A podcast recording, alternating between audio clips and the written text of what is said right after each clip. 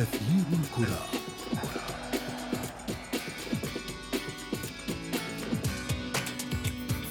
نرحب بكم مستمعينا الأعزاء اينما كنتم عدنا إليكم من جديد وموضوع جديد يستحق الحديث عنه في أثير الكرة.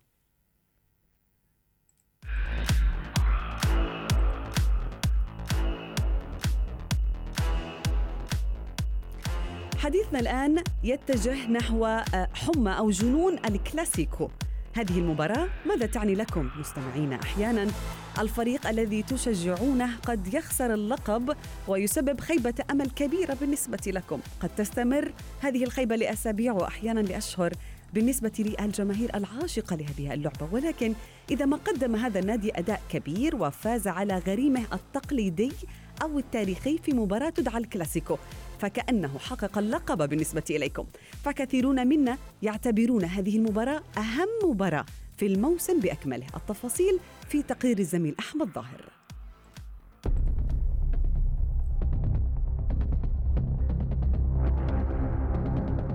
بمجرد أن تطلق على المباراة اسم كلاسيكو ينتهي الحديث عن الترتيب أو النقاط أو الألقاب وتبدأ متعة من نوع آخر. هي المتعة التي يعلو فيها كعب فريق منافس على آخر. فتشاهد قوة وشراسة وإثارة لغريمين تقليديين ومنافسين تاريخيين. الأمر الذي ينقل العداوة في كثير من الأحيان إلى المدرجات فتهتز بأهازيج خاصة عن المباريات الكبيرة. تدخل العديد من المواجهات تحت قائمة أقوى مباريات الكلاسيكو في العالم ويأخذ كل واحدة منها طابعه الخاص. فهناك الكلاسيكو الذي يجمع ريال مدريد وبرشلونة الإسبانيين والذي يطلق عليه جماهيره كلاسيكو الأرض. وهناك كلاسيكو في إنجلترا يجمع بين ليفربول ومانشستر يونايتد. وفي إيطاليا يلتقي من خلاله إنتر ميلان ويوفنتوس. ولن ننسى بالتأكيد كلاسيكو الأغنياء والفقراء أو السوبر كلاسيكو الأرجنتيني الذي يجمع بوكا جونيورز وريفر بليت. يختلف الكثيرون من متابعي كرة القدم حول العالم في هذا الحديث عن هذا الكلاسيكو الأرجنتيني ومدى شراسته. ولكن إذا ما نظرنا إلى الرواسب التاريخية بين الناديين نجد أنه أول كلاسيكو كرة قدم جرى في العالم وشهد حالة من العداوة غير الموجودة في الصراعات الأوروبية. دائما ما تشهد مواجهات السوبر كلاسيكو مظاهر عنف بين جمهوري الفريقين تنتهي بعدد كبير من الضحايا وحتى القتلى. في عام 68 وفي إحدى أشرس المباريات التي جمعت بين بوكا جونيورز وريفر بليت أدى تدافع كبير على إحدى بوابات ملعب مونومنتال في بوينس آيرس إلى وفاة 71 مشجعة. ولا يغيب عن ذاكرة المتابعين الواقعة النارية التي جمعت بين الفريقين في نوفمبر من العام الماضي. وذلك بعد اعتداء مشجعي ريفر بليت على حافلة البوكا وتحطيم النوافذ ليتم نقل بعض أعضاء الفريق إلى المستشفى. لهذا الأمر تثير لقاءات الفريقين قلقا كبيرا في أروقة الناديين مما يدفع المسؤولين فيهما لاتخاذ إجراءات احترازية خاصة. لكن هذا لا يمنع نجوم بوكا جونيورز وريفر بليت من تقديم عروض مذهلة وإثارة كروية خاصة يستمتع بها ليس فقط الجماهير الأرجنتينية بل كل سكان الأرض ممن يعشقون كرة القدم الحقيقية.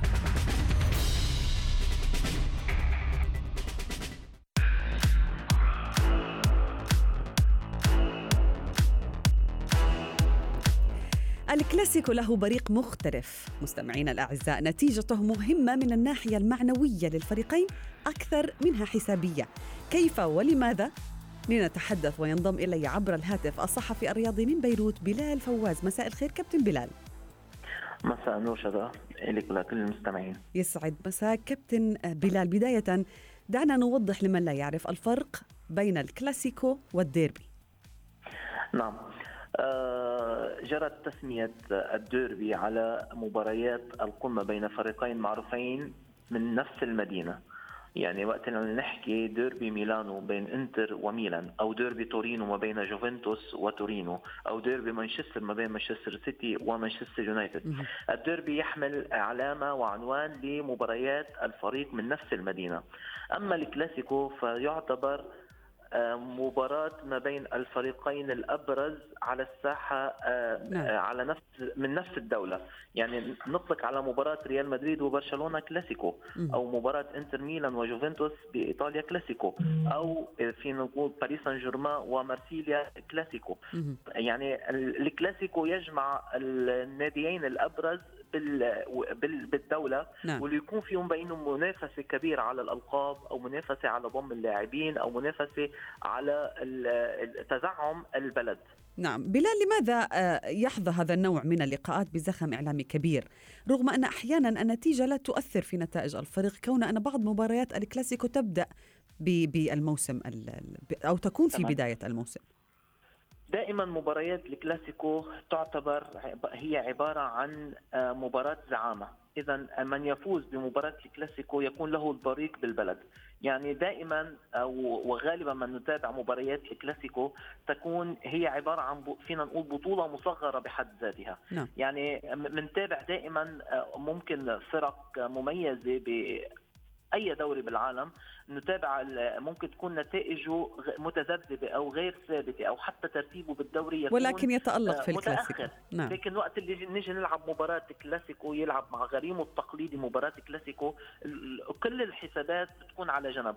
الحسابات الوحيدة هي حسابات الفوز بهذه المباراة لأنه طبعا دائما ما تكون عنوان مباريات الكلاسيكو تحديدا عنوان النتائج عنوان الأرقام والإحصائيات حول هذا الكلاسيكو. منطق الكلاسيكو كابتن بلال لا يقبل أحيانا بمنطق الفريق الأقوى أو الفريق المهيمن أو الضعيف. في كثير من الأحيان كما ذكرت المتصدر يخسر في الكلاسيكو. وهذا يدفعني لأن أسألك بأن هل تأثير ضغط المباراة مباراة الكلاسيكو على الخصمين لربما يكون تأثيرها كبير جدا يعني أكبر منه بكثير على الجماهير؟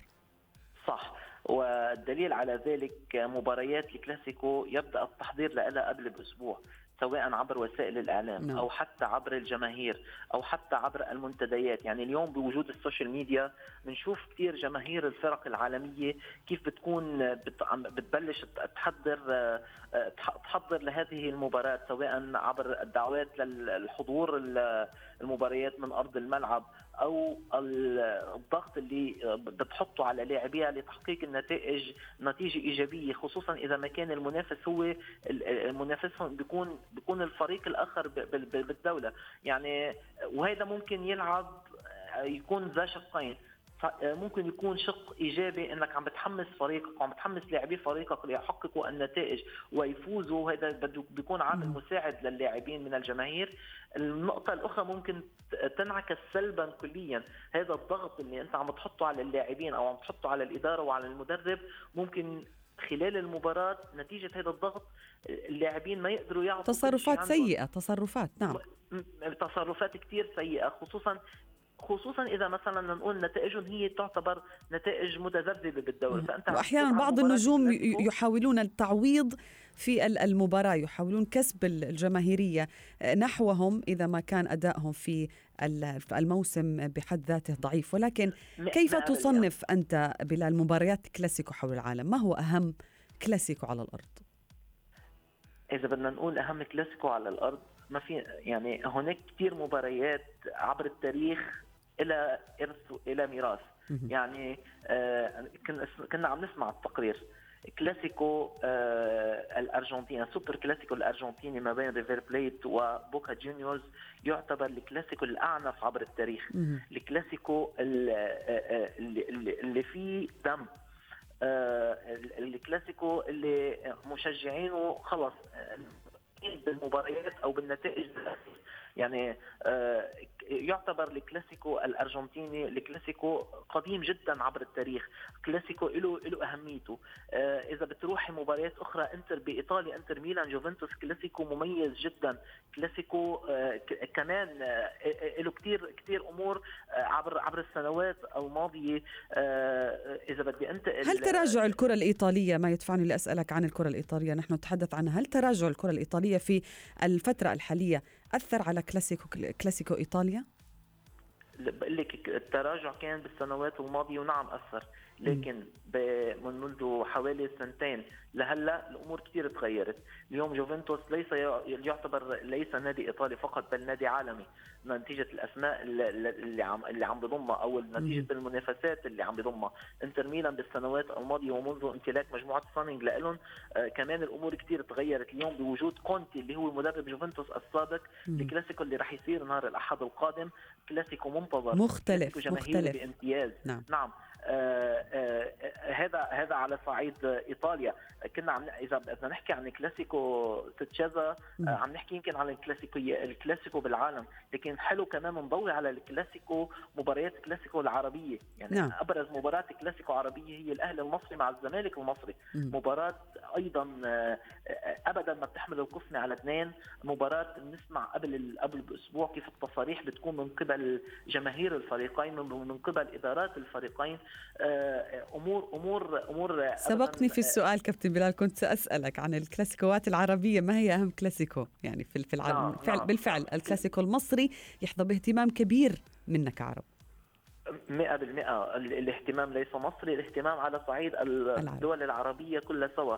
لماذا؟ لأنه دائما الدوري المصري منذ زمن منذ أيام الكابتن محمود الخطيب أو أيام كابتن جمال عبد الحميد الأسماء الأسماء اللي لها ارث أيام الكابتن حسام حسن وإبراهيم حسن هول الأسماء اللي كانت متابعة متابعة من كل الجماهير العربية. وأنا ما ننسى ابدا مونديال عام 1990 وقت اللي شاركت مصر فيه كيف كان العرب كلهم متسمرين خلف الشباب بانتظار ما سيظهر في المنتخب المصري بهذا كأس العالم. بالتالي الكرة المصرية هي متابعة ولها متابعين ومحبين من كل البلاد العربية. وهذا الشيء آه، كنا نشوفه بالدوري المصري. سابقا الدوري المصري كان كانت المتابعة له عالية جدا. وقت مباراة الأهلي مع الزمالك مباراة استاد القاهرة كان يكون في أكثر من مئة ألف مشاهد آه، بقلب الملعب. هذا نعم. عدا عن اللي كان يصير قبل المباراة واللي كان يصير بعد المباراة أيضا.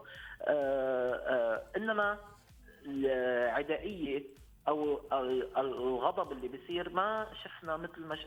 يعني ما كنا نشوفه مثل ما شفنا بكلاسيكو ريفر بليت وبوكا هل يتحمل آه. المسؤولين بعض ال... ال... أو الإداريين بعض المسؤولية يعني خصوصا بأنه الجماهير المتعصبة في كل مكان ولكن الضحايا والقتلى أكثرهم في كلاسيكو أو سوبر كلاسيكو الأرجنتيني. نعم. إذا بدنا نحكي عن سوبر كلاسيكو الأرجنتيني آه، مرقت شغلة بالتقرير وهيدي معروفة. هو يعتبر كلاسيكو ما بين أندية نادي الأغنياء ونادي الفقراء. نعم. ريفير بليت منذ تأسيسه بالعام 1900 أو خمسة أو 1901 عفوا آه كان مدعوم أو من من قام بتأسيسه بعض التجار الأرجنتينيين ويعني بعض اللي كان معهم نعم. مصاري وكانوا آه، قادرين آه، أو أو أسسوا هذا الفريق يعني فتفاجئوا بفريق من عامة الشعب نعم. بينما بوكا جونيورز اللي تأسس بالعام 1905 نعم. تأسس عبر خمس مهاجرين إيطاليين كانوا بالأرجنتين أسسوا هذا النادي. نعم. آه عرف الريفر بليت بنادي الأغنياء نظرا للطبقة اللي كانوا يشجعوه أو المنطقة نعم. اللي اسس فيها اذا هي هو هو بين فريق الأغنياء والفقراء. لا يمل كابتن بلال فواز كنت معنا من بيروت. شكرا جزيلا لك. أثير الكرة.